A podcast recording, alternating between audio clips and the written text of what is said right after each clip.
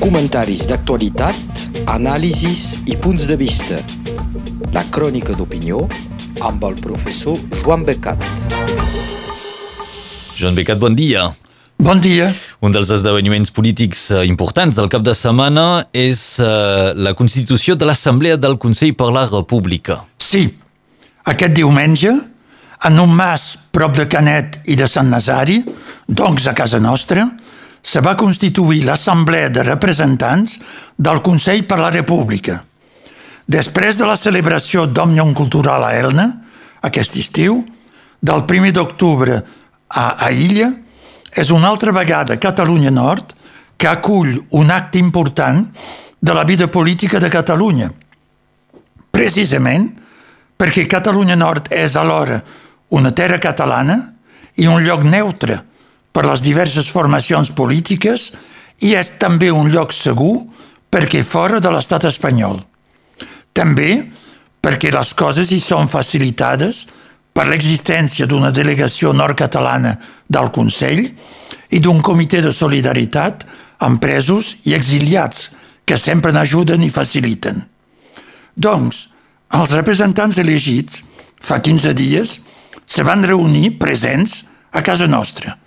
Com per qualsevol primera reunió d'una assemblea parlamentària, la sessió va ser primer presidida per la degana d'edat, Blanca Cera, ben coneguda a Catalunya Nord, on té una família molt compromesa amb la militància catalana.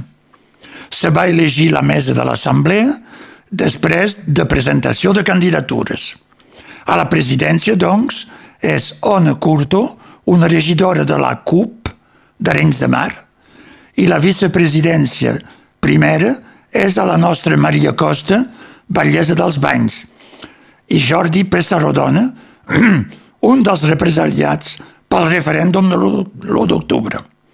A la secretaria són Joan Puig, d'Esquerra Republicana, editor del diari digital La República, tot un programa, i Assumpció Leila, del Partit de Demòcrates de Catalunya. Per tant, tres dones per dos homes, que reflecteix la composició de l'Assemblea, amb majoria femenina, i una gran pluralitat política de l'Assemblea de Representants. Qui critica que és només un color, ho té fals.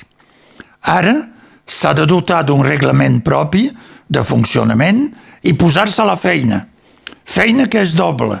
D'una banda, augmentar la seva presència a Catalunya amb més consells locals i, d'altra banda, representar la República a l'exterior. Sembla evident que haurà de concretar la seva existència actual amb un diari oficial de l'Assemblea i prendre ràpidament iniciatives que materialitzin els seus objectius republicans. Doncs, després d'esperar la seva elecció i formació durant temps, enhorabona a l'Assemblea de Representants al Consell de la República Catalana – seguint el títol d'una cançó d'Ovidi Montlló, l'Assemblea és com dir a tots els que s'oposen al procés català bon vent i barca nova. Donc sí, constituïda l'Assemblea del Consell per la República amb representació nord-catalana, com ho deies, amb Maria Costa com a vicepresidenta primera. És uh, doncs un tema d'actualitat que tractàvem per començar. El segon no sé si és tant d'actualitat perquè no vol, nos vols parlar de la resistència nord-catalana durant la Segona Guerra Mundial. I tant que és d'actualitat.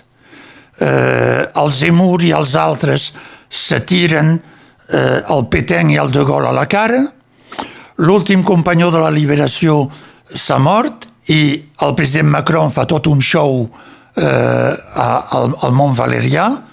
Eh, la Segona Guerra Mundial és al mig de l'actualitat. I, per tant, què ha passat? Qui col·laborava? Qui, eh, quins eren els resistents? Doncs, com que s'acaba de morir a 101 anys aquest últim companyó de la liberació, recordi que és un ordre honorífic creat pel general de Gaulle en plena guerra mundial al 40 per recompensar els que lluitaven contra Hitler i contra l'Alemanya nazi que ocupava França, amb la col·laboració del govern de Vichy i del mariscal Petain, que tant agrada al senyor Zemmour. Se l'ha inhumat amb una gran cerimònia al Mont Valerià, on, on durant la guerra s'han afusellat molts resistents. Però què ha estat realment aquesta resistència a Catalunya Nord? Hem evocat ja el poble màrtir de Valmanya, on hi havia un important maquis i una xarxa de passatge de la frontera. Després de guerra, es va procurar esborrar la passivitat general i la col·laboració activa i passiva de gairebé tothom, a França com a Catalunya Nord. A llavors s'ha exaltat la resistència, s'ha mitificat com si fos una mena de redempció col·lectiva. Però què va ser aquesta resistència d'homes i de dones més que valents perquè en un context contrari s'hi jugaven tot. Molts han pagat de la seva vida o per la deportació en camps de concentració a Alemanya. Hi ha la publicació de Terra Nostra que en parla de Jean Larieux i Ramon Gual sobre Vichy, la col·laboració i la resistència que ja hem citat per Valmanya. Us ajudarà a fer-vos una idea si voleu. I, aviam, explica'ns què, què va ser realment la resistència aquí a casa nostra. Doncs hi ha hagut etapes, hi ha hagut moments. Després de l'armistici del juny 1940, entre el mariscal Petain i Hitler, va que va tenir el suport eh, i Petain i l'armistici d'una ampla majoria de la població de França i d'aquí, tota la meitat nord i la franja atlàntica era ocupada pels alemanys. La meitat sud de França era dita zona lliure, dirigida pel govern d'extrema dreta del mariscal Petain des de la ciutat de Vichy. Aquests dos primers anys, molt poca gent feia resistència. Hi havia els primers contactes, l'organització de xarxes a tot França, amb passatges de gent a Catalunya Nord cap a Espanya, l'evasió de jueus, de fugitius diversos, després d'aviadors anglesos, també es feien fulls i tracts clandestins, després diaris, se fabricaven papers falsos, més endavant s'informaran els aliats. Una segona etapa comença el juny del 1941, amb l'atac d'Hitler contra la Unió Soviètica de Stalin, que eren lligats pel pacte germano-soviètic abans. A llavors, eh, els comunistes, que el govern de Vichy havia declarats fora de la llei, van entrar en resistència activa, també en les xarxes i després en els maquis. En tota aquesta primera part de la guerra no hi havia tropes alemanyes a Catalunya Nord, només la gendarmeria francesa i la policia de Vichy. El gran canvi se produeix al novembre del 42, quan els aliats desembarquen a l'Àfrica del Nord. Immediatament, els alemanys ocupen tota la zona lliure fins al Mediterrani i al Pirineu. A partir d'aquest moment, a Catalunya Nord, érem confrontats directament amb l'ocupant, amb el seu exèrcit, amb la Gestapo i, a partir del gener del 43, amb la milícia, la famosa milícia francesa, creada llavors pel govern feixista i col·laborador de Vichy, per ajudar els alemanys i perseguir els resistents, altres francesos. També, a l'inici del 43, s'instaura el STO, el Servei del Treball Obligatori, a Alemanya, per tots els joves. Els refractaris alimentaran en homes els maquis que se constitueixen a llavontes i seran actius fins al final de l'ocupació alemanya. I aviam, ens pots explicar quins eren els maquis? Ah, se n'ha parlat molt, però una mica mitificat. A veure, la resistència armada s'organitza sobretot als anys 43 i 44.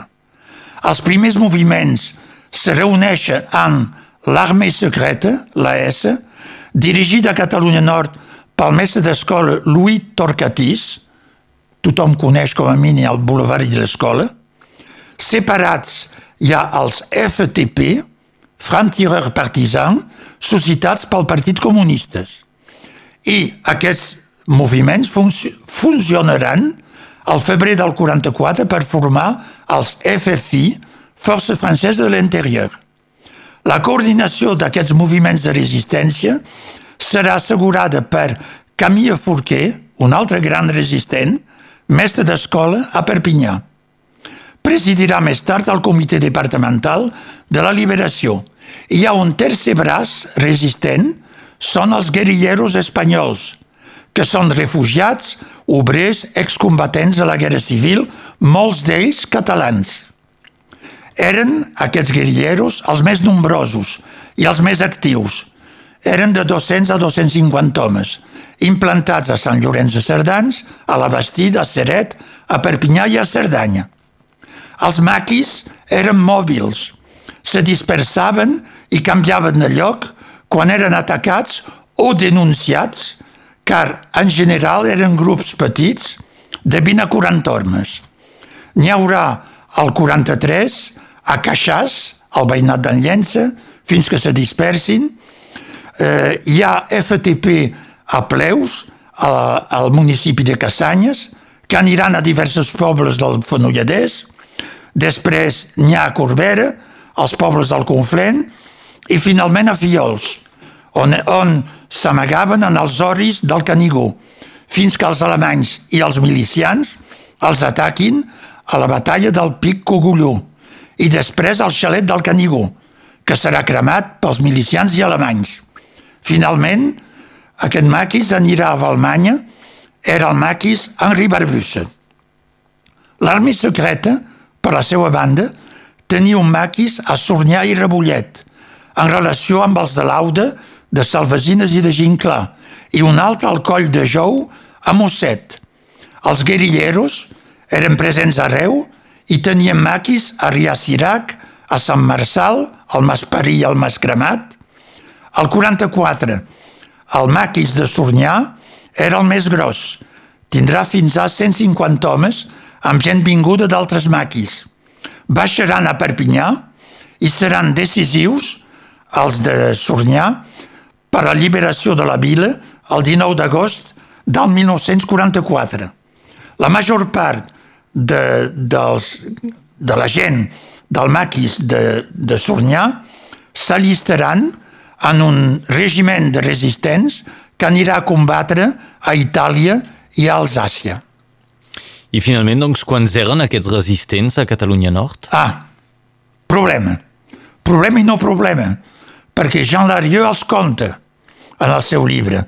Sobre els 230.000 habitants de Catalunya Nord van ser un total només de 2.000 resistents durant tota la guerra.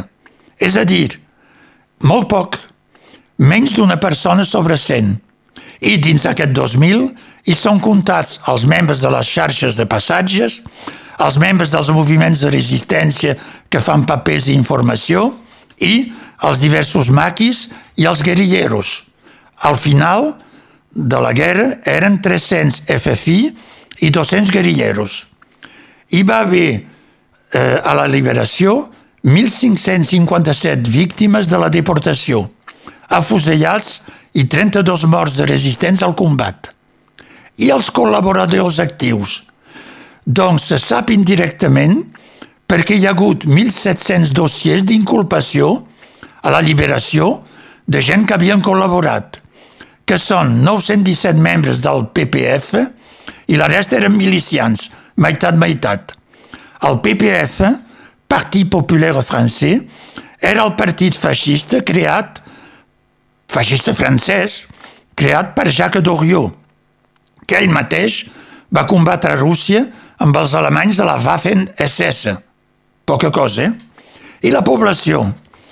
Els més de 200.000 altres habitants de Perpinyà i de Catalunya Nord, doncs procuraven viure, malgrat la penúria d'aliments, de calefacció, malgrat la suspició general, malgrat l'aprehensió constant, les denúncies, malgrat els alemanys, els francesos feixistes.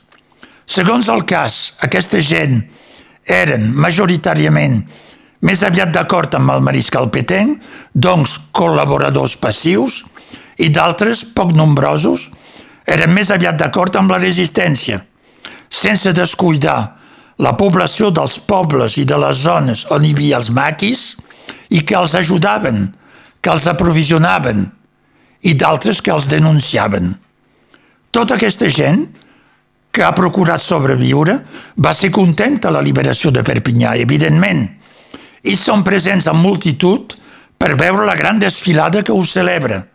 Ara bé, molts d'aquesta gent eren presents també i aclamaven dos anys abans el mariscal Petenc quan va visitar Perpinyà. Ep! A la desfilada hi era present, per exemple, René Horta i el seu petit grup de maquisars de Valmanya, una vintena. Després de desfilar, va dir als seus homes, citat per Ramon Gual, «Nins, aquí és pas la nostra plaça», i se'n retornaren al Conflent. Com camí a Forquet, René Horta no demanarà res, cap privilegi, cap medalla, quan tots procuraven aprofitar de les circumstàncies. Abans de marxar, últim detall, els alemanys van calar, van calar foc a l'arsenal de Perpinyà, on hi ha ara la casa musical, i van cremar tots els seus arxius.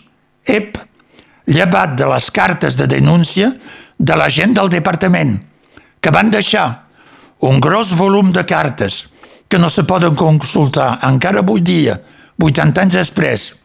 Dit d'una altra manera, us ha, ens han deixat la merda que havíem fet entre nosaltres. Això és el que va passar. És un ampli dossier, finalment, que ens has presentat avui sobre la resistència nord-catalana durant la Segona Guerra Mundial. Joan Becat, moltes gràcies. Bon dia a totes i a tots. Comentaris d'actualitat, anàlisis i punts de vista. La crònica d'opinió amb el professor Joan Becat.